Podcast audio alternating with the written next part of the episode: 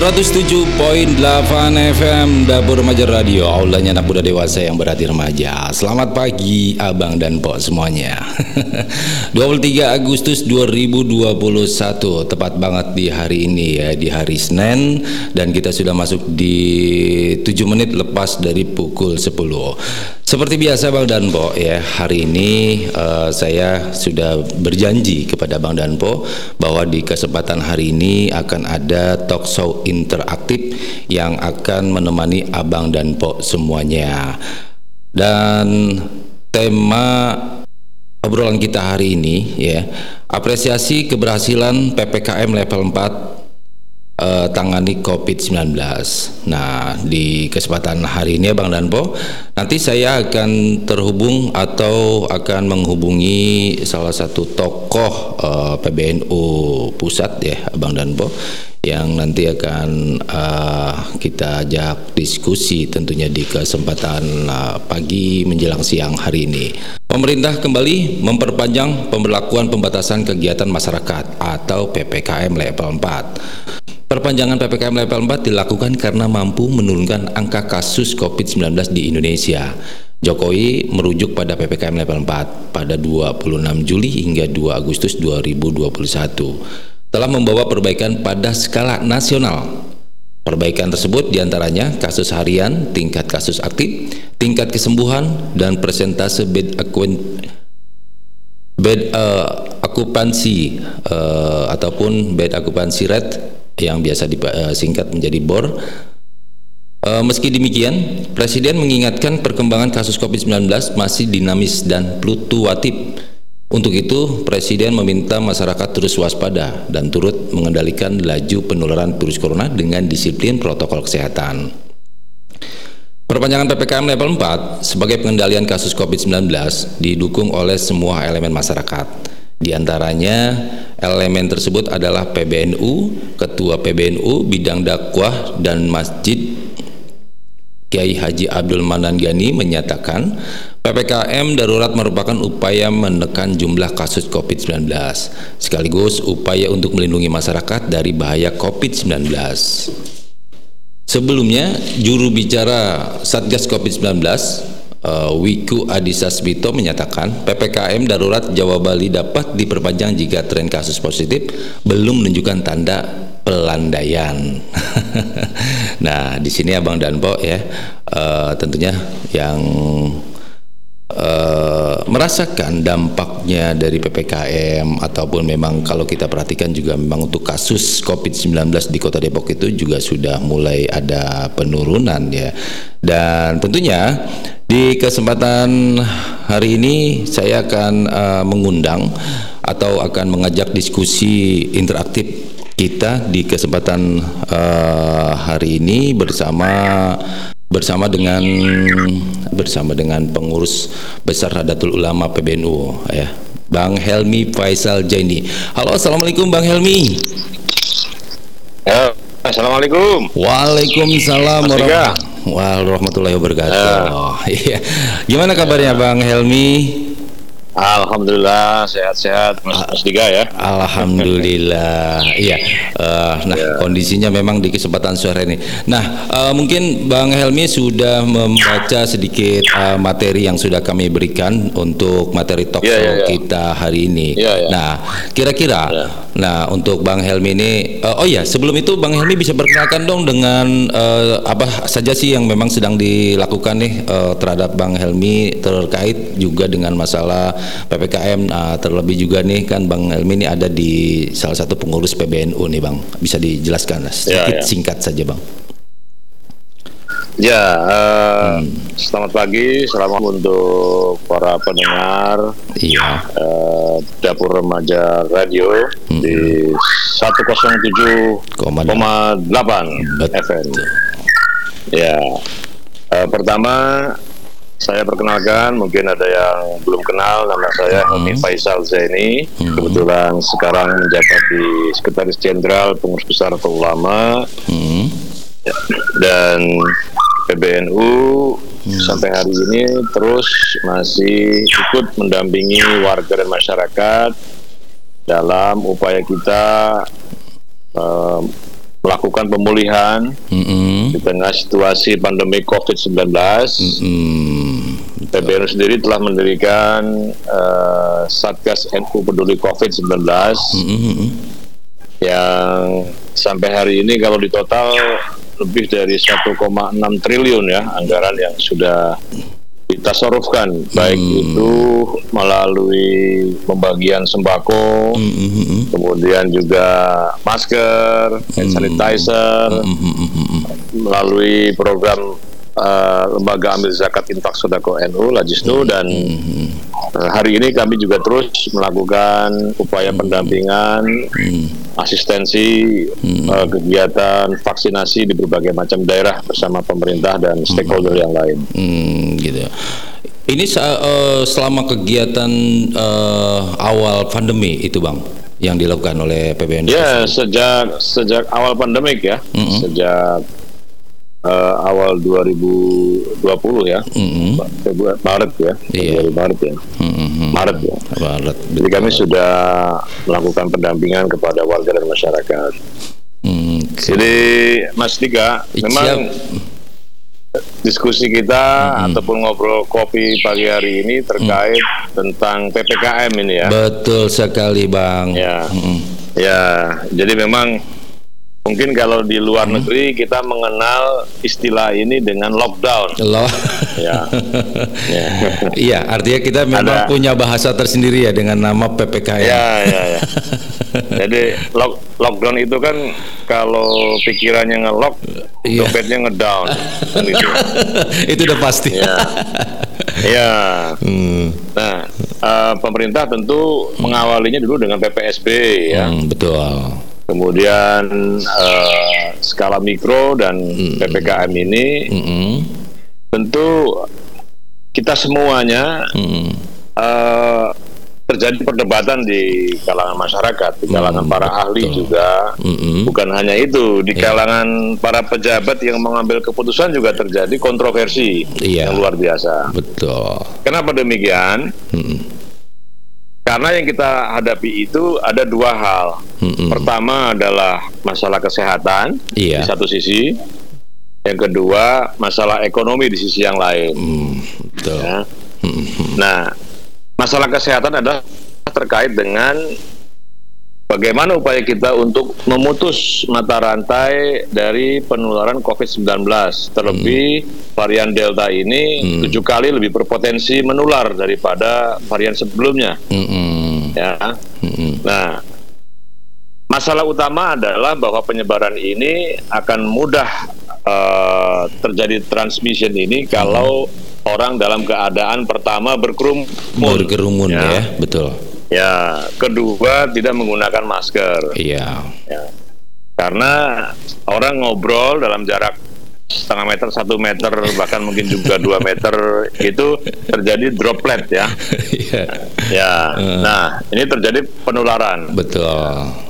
Nah, maka untuk itu salah satu uh, upaya kita untuk memutus mata rantai ini adalah hmm. dengan melakukan uh, pembatasan hmm. kegiatan masyarakat, Betul. baik dalam skala uh, makro maupun mikro, hmm. ya. Hmm. hmm. Artinya apa? Artinya masyarakat diminta untuk stay at home. Yeah. Ya Okay. Nah, sekolah, hmm. ya gimana? Uh, uh, apa sih yang sudah dilakukan oleh uh, PBNU itu sendiri? Ya terkait juga dengan kan tadi ya terkait dengan hmm. jaga jarak dan segala macam. Nah ini juga selalu ya. berhubungan dengan masalah ibadah nih bang. Ini juga menjadi salah satu sorotan utama nih untuk ibadah uh, antara sholat Jumat, ya tadi sholat sholat umumnya, sholat Jumat dan juga sholat sholat uh, besar. Itu seperti apa bang? Memang ya. dalam pembahasan di PBNU itu sendiri bang. Ya, pertama PBNU menyampaikan pandangan keagamaan dulu ya. Iya, betul. Bahwa dalam situasi yang darurat, mm -hmm. maka berlakulah berbagai macam uh, ruksoh keringanan-keringanan yang dimungkinkan mm -hmm. orang tidak lagi mengerjakan kewajiban, mm. kemudian menggantinya dengan uh, ibadah yang lain. Iya, seperti sholat Contoh. Jumat ya. Seperti sholat Jumat, misalnya hmm. Hmm. tidak dalam keadaan COVID pun, misalnya hmm. hujan deras ya Mm-hmm. atau udur misalnya orang sedang sakit parah Mm-hmm. maka tidak di tidak diwajibkan lagi mereka eh, menjal- menjalankan sholat Jumat Hmm. nah termasuk dalam situasi wabah Iya. ya Hmm. Itu misalnya di zona tertentu yang sudah bukan hanya merah tapi pekat sudah hitam Iya, itu ya pekat dan ya. dan para pengurus masjid juga sudah kesulitan untuk mengatur jamaahnya Hmm. Ya, artinya sudah untuk, disampaikan untuk tracking jenis tracking tracking uh, COVID itu sendiri sudah agak kesulitan gitu ya, Bang. sudah agak kesulitan Hmm. maka sebaiknya kita sebagaimana para ulama telah menganjurkan dan Hmm. ini juga sesuai dengan kutub Nabi bahwa dalam keadaan kita dihadapkan dengan Hmm. apakah kita melaksanakan kewajiban sholat Mm-mm. ataukah kita juga melaksanakan kewajiban untuk melakukan apa yang disebut sebagai al-muhafadzah 'alan nafas ataupun uh, hifdzun nafas yaitu menjaga keselamatan jiwa Mm-mm. maka kita harus mengikuti kesepakatan jumhur ulama Mm-mm. kebanyakan para ulama masyur telah mengambil satu keputusan Mm-mm. bahwa menjaga keselamatan jiwa itu adalah sesuatu yang tidak dapat ditunda. Um, Ya, Iya. maka kita kita melakukan apa yang disebut sebagai stay at home ataupun uh, melakukan banyak kegiatan di rumah. Nah, Oke. nanti dalam keadaan sudah mulai normal lagi, ya. Toh sudah boleh lagi kan Iya, jangan- Jumat. Jangan sampai nanti sudah normal uh, terbiasa dengan uh, kebiasaan PPKM. Ya. itu beda hal Iya, ya jangan kalau itu kemudian- urusannya. iya, itu itu ada penumpang gelap itu.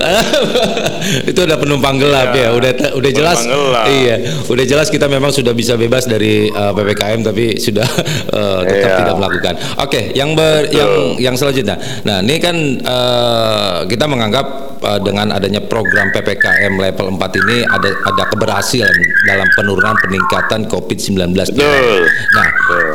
bagaimana PBNU menyingkapi perpanjangan PPKM level 4 itu sendiri, Bang?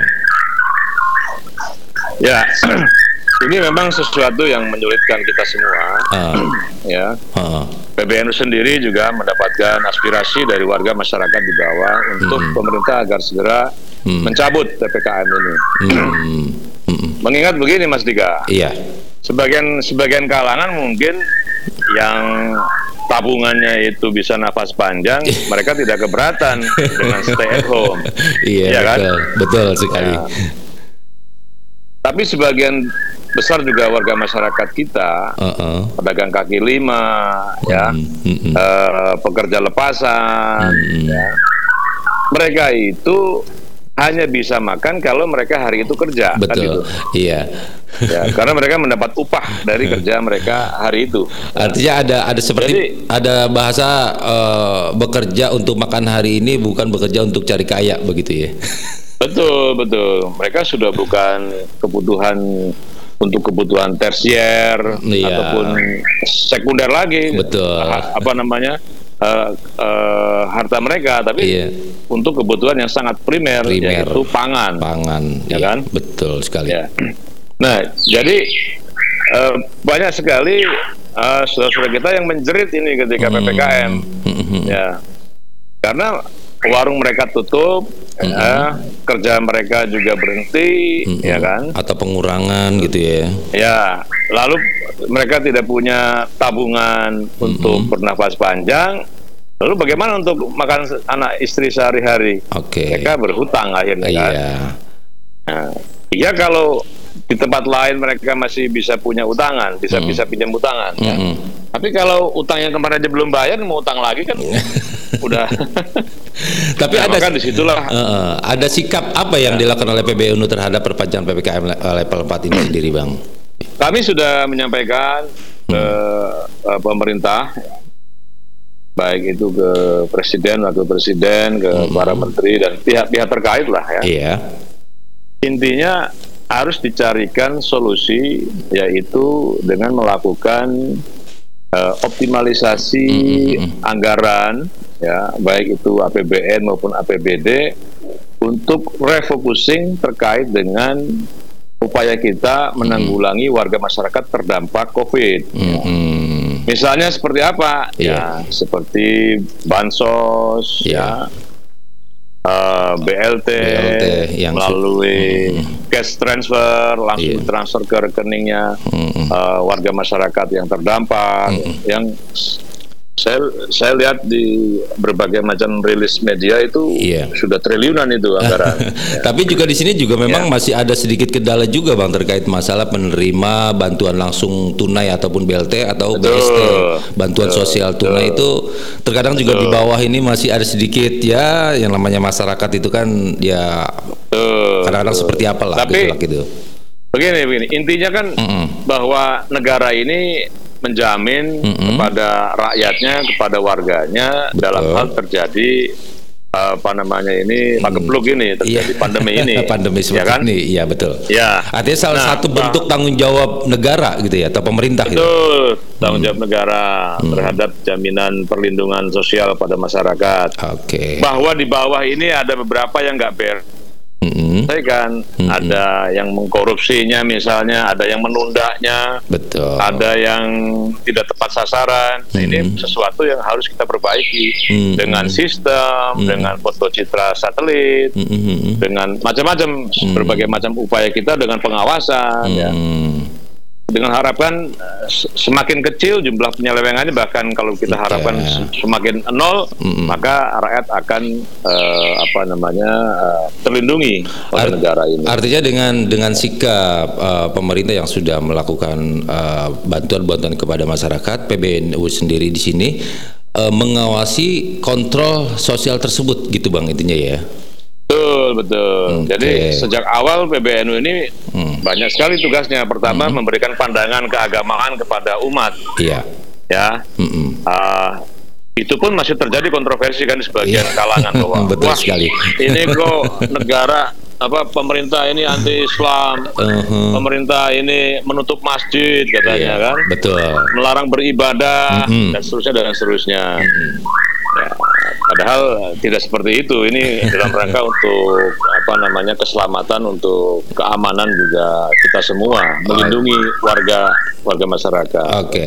Nah, yang berikutnya nih bang, apakah sudah uh, tepat perpanjangan ppkm level 4 untuk menanggulangi COVID-19? Nah, untuk PBU ya. Endo sendiri nih bang. Ya, mm. ini Jawabannya memang pertanyaan Mas Dika ini sulit sekali ya. Karena ibarat buah si malakama ini. Iya. ya. Jadi intinya begini ya. Intinya iya. begini. Kita percaya bahwa pemerintah ketika mengambil keputusan itu hmm. mempertimbangkan seluruh aspeknya iya. dan seluruh aspeknya itu hmm. adalah uh, mempertimbangkan keselamatan, mm -hmm. mempertimbangkan kesejahteraan, mm -hmm. mempertimbangkan perlindungan terhadap rakyatnya. Mm -hmm. Itu mm -hmm. itu prinsipnya. Iya, betul. Itu prinsipnya. Mm -hmm. Bahwa kemudian kebijakan yang diambil itu kemudian dalam tanda petik menyulitkan. Iya. Itu uh, ibaratnya orang sakit harus makan obat yang pahit gitu, iya. ya kan? Nah pertanyaannya uh, gimana kok orang sakit kok dikasih obatnya malah pahit. Pahit, gitu. pahit. Seharusnya dikasih yang manis-manis ya. dong ya. Iya, orang sakit harusnya dinyamankan, disenangkan dengan yang manis-manis. ya, ini pil pahit. Iya. Pil pahit yang kita harapkan dengan ini kemudian terjadi perubahan yang kondusif. Nah, kalau kita lihat sekarang coba, Mas Tika, mm, luar biasa ya. Betul. Uh, bahkan kemarin saya mendapat uh, rilis dari Pak Gubernur dan Wakil Gubernur DKI Jakarta aja, iya. misalnya. Mm -hmm sekarang Jakarta sudah disebut sebagai zona hijau. Hmm, Alhamdulillah ya. Ya, ya bahkan disebut sudah terbangun yang disebut sebagai herd immunity oh, hmm. di Jakarta ini. Betul. Karena sebulan yang lalu atau enam bulan yang lalu satu dari dua penduduk Jakarta itu hmm. uh, uh, tertular COVID kan, hmm. resiko lebih resiko, tertular COVID. Uh, kan? Resiko tinggi. Hmm. Resiko tinggi. Iya. Artinya berarti uh, masyarakat yang sudah terkena dan mendapatkan apa namanya imunitas. imunitas. Kemudian yang kedua mm -hmm. juga dengan vaksinasi yang tinggi. Iya betul. Jadi ada saya sering menyampaikan bahwa kalau kita mau belajar dari kan kita kemarin lihat Piala Eropa ya. Iya. Waduh, luar biasa itu uh, apa namanya penonton dan pemain bolanya tidak lagi menggunakan iya. masker gitu kan? Iya, ya. betul itu menjadi itu juga menjadi Ter polemik iya. gitu sebenarnya. Iya, tapi kan ternyata sesuatu yang dulu kita bisa nikmati apa dalam kerumunan tidak menggunakan hmm. masker itu suatu kenikmatan kita lupa juga mensyukurinya kan gitu. Kalau kita lihat negara-negara itu wah Hmm. Ternyata bisa berkumpul bersama sahabat, hmm. kawan, masyarakat tanpa menggunakan masker itu sebuah kemewahan Betul. hari ini kan gitu. Arti sebuah ya. sebuah kerinduan juga sih buat masyarakat ya apalagi kerinduan. apalagi khususnya buat ya. masyarakat yang ada di Indonesia nih. Nah, memang banyak sekali kan budaya-budaya kita yang lagi lagi terpuruk Betul. dengan masalah hal seperti ini. Nah, nah kan kita kita hmm. belajar nih dari negara-negara yang sudah berhasil ya okay. COVID loh. Hmm. Nah, itu kuncinya apa? Mm-hmm. Kuncinya adalah membangun yang disebut sebagai komunitas komunal herd immunity. Mm-hmm. Itu ada dua cara. Oke. Okay. Cara pertama itu secara natural, secara yeah. alamiah. Ya, uh, yang kedua adalah dengan cara vaksinasi. Mm-hmm. Nah, cara natural bagaimana? Mm-hmm. Ya mengubah lifestyle kita itu menjadi lebih sehat. Betul. Ya kan? Artinya merubah pola hidup gitu ya ya merubah pola hidup, mm-hmm. uh, lifestyle kita, yeah. uh, pola hidup sehat, ya, mm-hmm. uh, tidak merokok, ya misalnya, uh, kemudian rajin olahraga, ya kan, mm-hmm. uh, minum vitamin, mm-hmm. ya, kan kita selama ini menganggap vitamin nggak penting. Gitu. ya, di, di, kita, digunakan di saat dibutuhkan saja gitu ya waktu kita sakit untuk recovery-nya kita baru menggunakan baru menggunakan vitamin. betul. Setelah itu kita lupa lagi kan gitu. nah, nah jadi uh, yang pertama itu secara natural mm -hmm. adalah mengubah pola hidup kita betul. menjadi pola hidup yang sehat mm -hmm. ya. Mm -hmm. Nah, yang kedua kita tentu harus sukseskan program vaksinasi mm -hmm. ya. Betul. Nah, dua ini saja kalau ini kita bisa Jalankan, sukses sukses ya. Ya kita sudah terbangun herd immunity. Iya. Ya mudah-mudahan kita dalam waktu tahun 2000 yang 22 yang akan datang sudah apa namanya uh, bisa lepas masker ya. Hmm. Paling enggak sudah mulai kendor lah begitu. Iya, ya artinya kita bisa melihat lah dengan bukti nyata hari ini bahwa masyarakat Indonesia secara umum juga sudah bisa memahami dan barangkali juga sudah hampir berapa persen. Kalau menurut abang sendiri kira-kira untuk vaksinasi ini kira-kira sudah masuk berapa persen nih bang untuk uh, secara menyeluruhnya nih bang? Ya saya data persisnya uh, tidak mengikuti ya, tapi yeah. kalau kita melihat uh, perkembangan, ada juga perkembangan ya, mm-hmm. terutama di Jakarta. Ini kan yang harus diwaspadai justru di luar Jawa Bali ya, yeah, di luar betul. Jawa Bali mm-hmm. yang kalau saya melihat uh, data hari ini saja sebetulnya sudah hmm. menunjukkan sebuah progres yang menurut saya sudah yeah. Iya. uh, baik sekali ya. Luar biasa lah. Nah, ya, bang, ya. luar biasa. Hmm. Misalnya uh, yang terdapat COVID hariannya sekarang di angka 24 ribuan, hmm. yang dulu itu mencapai 60 ribuan kan, per yeah, 60 ribuan betul. per hari. Hmm. Ya. Nah, di Jakarta aja sudah sekarang ratusan ya.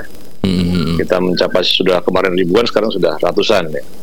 Hmm. Bahwa jumlah terdampak COVID kita sampai hari ini sudah ada sekitar 3,9 juta ya. Hmm, betul. Dan yang dan yang sembuh ini juga banyak sekali. Ya. Banyak sekali, iya.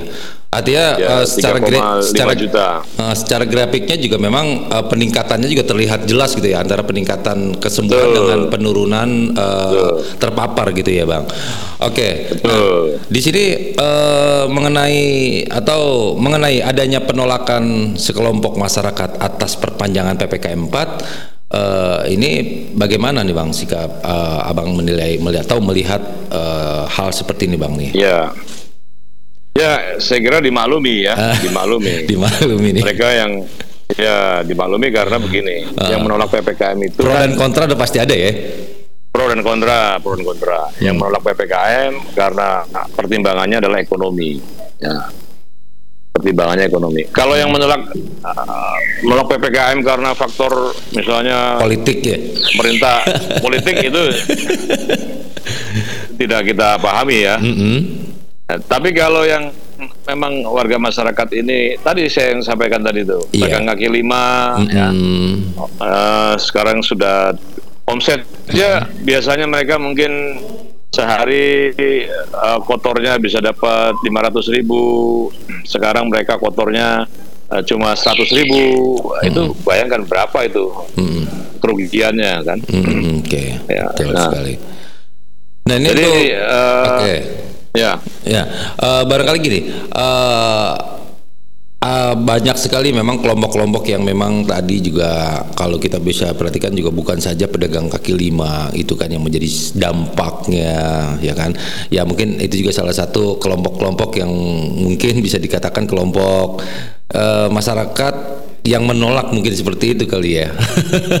Kayak banyaknya PHK dan juga memang uh, dirumahkan yang tanpa ada penjelasan harus untuk balik lagi kerja atau semacamnya ini juga kan memang banyak sekali dampak hal ter, hal ini terjadi gitu kan ya bang.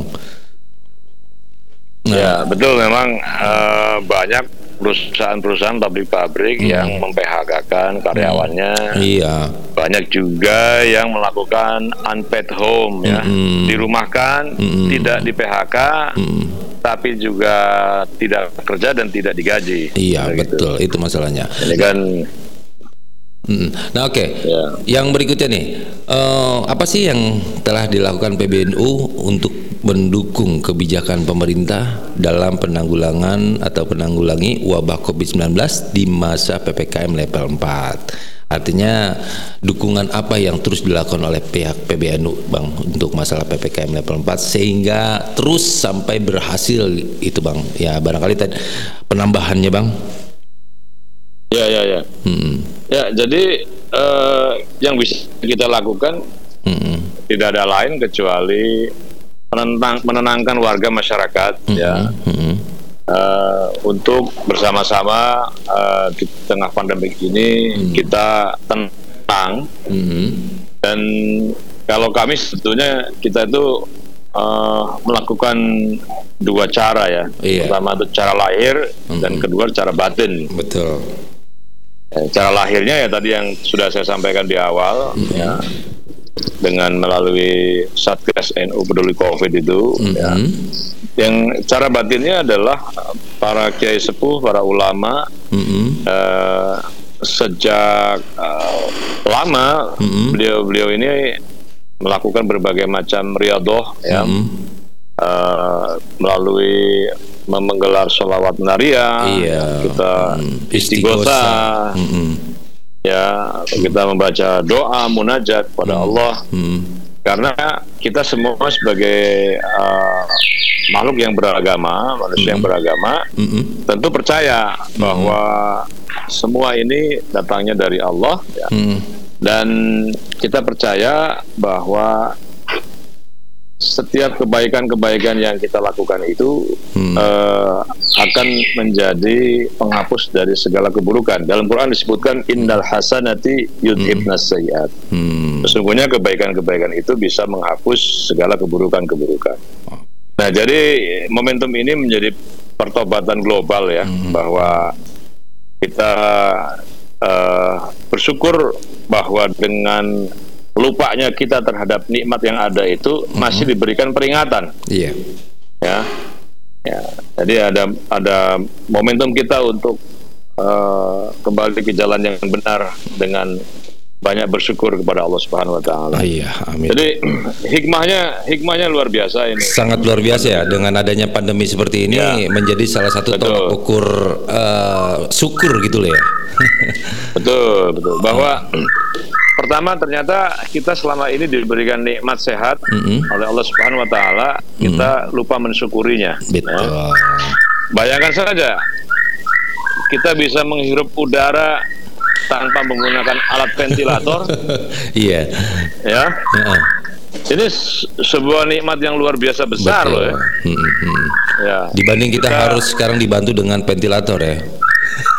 Wah iya, sekarang kalau sudah terkena penyakit COVID dalam keadaan parah, kita mau punya kekuasaan sebesar apa pun, Betul. punya harta sebesar apa pun, mm-hmm. ya punya pangkat kedudukan sebesar apa pun, nggak akan berguna apa-apa itu. Mm, jadi tidak ya. ada artinya gitu ya, bang.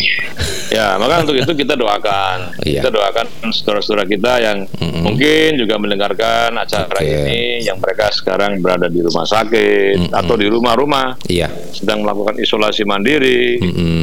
Ya, percayalah bahwa mereka semua akan segera sembuh mm-hmm. dan karena keyakinan yang kuat itu adalah juga obat ya. betul karena memang obat Dan, yang paling mujarab adalah uh, dari diri kita sendiri seperti itu ya bang betul betul hmm. jadi percayalah pasti sembuh ya, hmm. akan sembuh dan kita doakan mereka akan segera pulih kembali, hmm. kumpul kembali bersama keluarganya. Oke. Okay. Nah, Bang, nah terlepas dari terkait dengan program atau diskusi PPKM kita hari ini, Bang nih.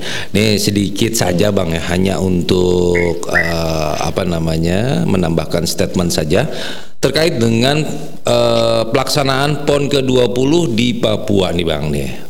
Artinya di sini yeah. kan kolaborasi NU dan Muhammadiyah juga memang uh, sangat dibutuhkan untuk suksesinya kegiatan PON ke-20 di Papua.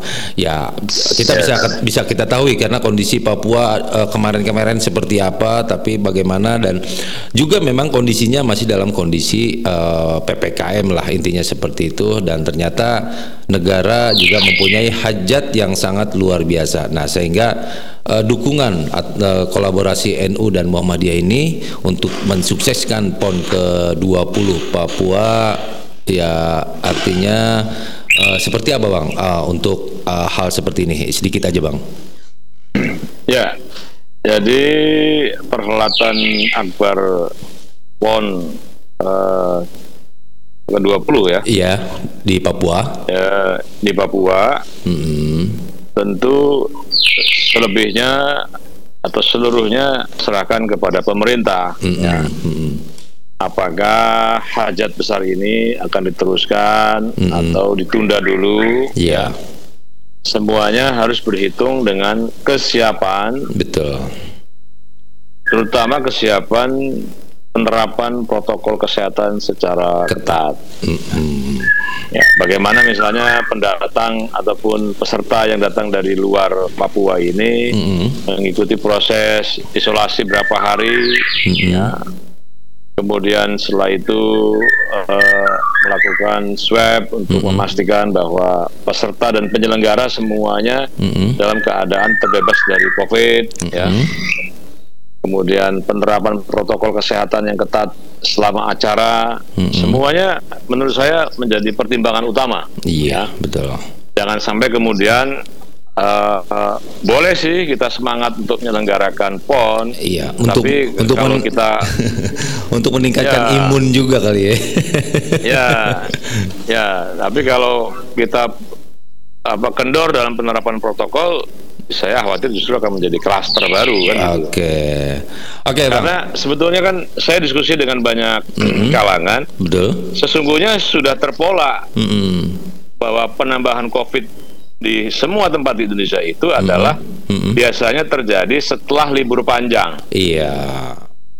Ya, atau pada event-event tertentu yang mm -hmm. melibatkan orang banyak. Mm -hmm. yeah. Ya, itu selalu itu polanya seperti itu. Atau Jadi sudah bisa dibaca kan? Atau kita berharap uh, dengan kondisi pandemi saat ini di bulan-bulan September Oktober itu sudah mulai melandai atau bahkan sudah masuki zona makanya, orange gitu ya. Makanya kita kita serahkan serahkan kepada pemerintah apakah yeah. pada bulan tersebut sudah mm -hmm. sudah melandai sebagaimana mm. Olimpiade Tokyo kan juga 2020. Betul harusnya kan? Iya, tapi diundur. Tapi mereka mereka undur di 2021 mm -hmm. pada saat mereka sudah uh, mengambil langkah-langkah iya. persiapan terutama penerapan protokol kesehatan. Betul. Dan itu pun juga terjadi kontroversi juga kan? Iya. Dan betul ya. juga ini juga kegiatan PON yang ke-20 juga memang sebenarnya akan yang seharusnya ini dilakukan di tahun 2020 karena memang kondisi ya. uh, eh, PSBB uh, eh, darurat saat itu juga memang ditingkatkan sehingga hal ini menjadi kemunduran kan gitu sehingga dilakukan di 2021 ya, ya. inilah intinya seperti itu. Oke, okay, Bang. Uh, poinnya di sini untuk uh, closing ataupun statement closing Abang di acaranya ngopi ngobrol pagi hari ini di acaranya tentang apa namanya mengangkat tentang ppkm level 4. Artinya harapan Abang ya secara umum ya dari pihak PBNU khususnya ya menyampaikan kepada masyarakat ya uh, seperti apa dan harapannya dan bagaimana gitu bang? Ya pertama kita prihatin kita memahami situasi sulit ini mm-hmm. bahwa di tengah COVID ini ada saudara-saudara kita yang ditinggalkan oleh orang-orang terdekatnya Hmm. Ada saya juga beberapa kawan saya juga orang tuanya meninggal, hmm. ada yang istrinya meninggal, ada Anak. yang anaknya meninggal, Betul. ada yang anggota keluarganya meninggal, ada yang hmm. sahabat dekatnya meninggal. Hmm. Jadi pertama uh, dalam situasi prihatin ini, hmm. marilah kita tunjukkan empati kita hmm. dengan cara uh, membesarkan hati, ya, hmm. Dengan cara mendoakan mereka hmm. dan kepada saudara-saudara kita yang dalam keadaan uh, secara ekonomi sangat kekurangan, hmm. marilah kita saling membantu mereka. Iya. Ya. Saya sih termasuk orang yang positif ya mm-hmm. melihat di sosial media sekarang ada yang nawar dagangan harganya tiga ratus ribu dibeli lima ratus ribu. iya. Artinya atau mereka mm show of force mm-hmm. ya membagi-bagikan uang di jalanan ppkm mm-hmm. terlepas dari motifnya apa pun lah saya yeah, sih betul tapi buat saya uh, Menelihat oh, orang yang dikasih uang itu kan juga merasa ini sebagai sesuatu yang berarti bagi mm-hmm. kehidupannya mereka. Iya, ya, berpandang positif ya. saja gitu ya, Bang ya. Positif saja dan itu uh, bagian dari siar yang bisa dikerjakan oleh orang lain. Kalau soal kualitas ibadah kita seperti apa, hmm. itu kan kita serahkan kepada Allah Subhanahu Wa Taala. Tapi intinya adalah hmm. kita melakukan gerakan berbagi, menunjukkan iya. empati kita. Iya. Dan mari kita membangun optimisme kita bahwa hmm. kita harus bisa uh, apa namanya bertahan hmm. dan keluar. Kalau ada istilah sekarang lomba bertahan, lomba bertahan hidup. Ya. Lomba bertahan hidup. ya. Oke. Okay, bertahan hidup. Uh, uh, baik. Ya. Uh, jadi intinya dengan ppkm level 4 ini, PBNU uh, khususnya sangat mendukung dan juga sangat mengapresiasi apa yang sudah dilakukan oleh pemerintah pusat seperti itu ya bang ya. Ya, PBNU hmm. menyampaikan apresiasi hmm. uh, dengan PPKM level 4 ini. Hmm. Uh, angka penularan COVID-nya sangat uh, apa namanya menggembirakan sekali ya sudah ada penurunan okay. yang sangat signifikan okay. ya. Dan kami juga mengapresiasi pemerintah juga telah menggelontorkan sejumlah bantuan-bantuan kepada warga masyarakat. Ya. Mm -hmm. Kita harapkan tentunya seluruh bantuan-bantuan ini sampai dan tepat sasaran kepada warga masyarakat. Amin, betul. Dan uh, kembali kita juga uh, bersama-sama kita menyampaikan apresiasi kepada pemerintah dan mm -hmm. juga kita juga bersama-sama hmm. uh, saling menguatkan kepada saudara-saudara kita yang sekarang hmm. dalam keadaan sulit. Oke, okay. bang. Yang paling terakhir nih, bang nih dekat ini apa yang akan dilakukan oleh PBNU, Bang? Ya, yang paling dekat ini adalah uh, pasca pandemi, mm-hmm. ya kita untuk recovery ini mm-hmm. memerlukan sebuah kerja inovatif, kerja cerdas, kerja kreatif mm-hmm. uh, agar kita bisa bangkit lagi, mm-hmm. ya dengan memastikan model-model uh, pengembangan pemberdayaan ekonomi seperti apa yang dimungkinkan mm -hmm. kita untuk pulih dan bangkit kembali. Oke. Okay. Jadi kita sedang menyiapkan berbagai macam kegiatan pemberdayaan ekonomi mm -hmm. ya dalam bentuk penyertaan modal, mm. menggandeng berbagai macam stakeholder, pelatihan-pelatihan berbasis UMKM ya, Bang. Tentu berbasis UMKM ya. Mm. Oke, mantap. Oke, Bang, uh, saya kira memang waktu juga yang memang sedikit uh, memisahkan Baik. kita untuk diskusi ya agar lebih panjang. Memang sebenarnya hari ini kita harusnya ada narasumber yang kita hubungi lagi sebenarnya dari pihak uh, Satgas Covid-19 tapi karena berhal dengan waktu yang bersamaan sehingga sulit sekali untuk kita ajak diskusi bareng sebenarnya hari ini, Bang. Uh, dan saya sendiri uh, mengucapkan banyak terima kasih buat uh, abang nih ya. Uh, Helmi Faisal Jaini selaku uh, Sekretaris Jenderal Pengurus Besar Nahdlatul Ulama Jakarta Pusat Jakarta.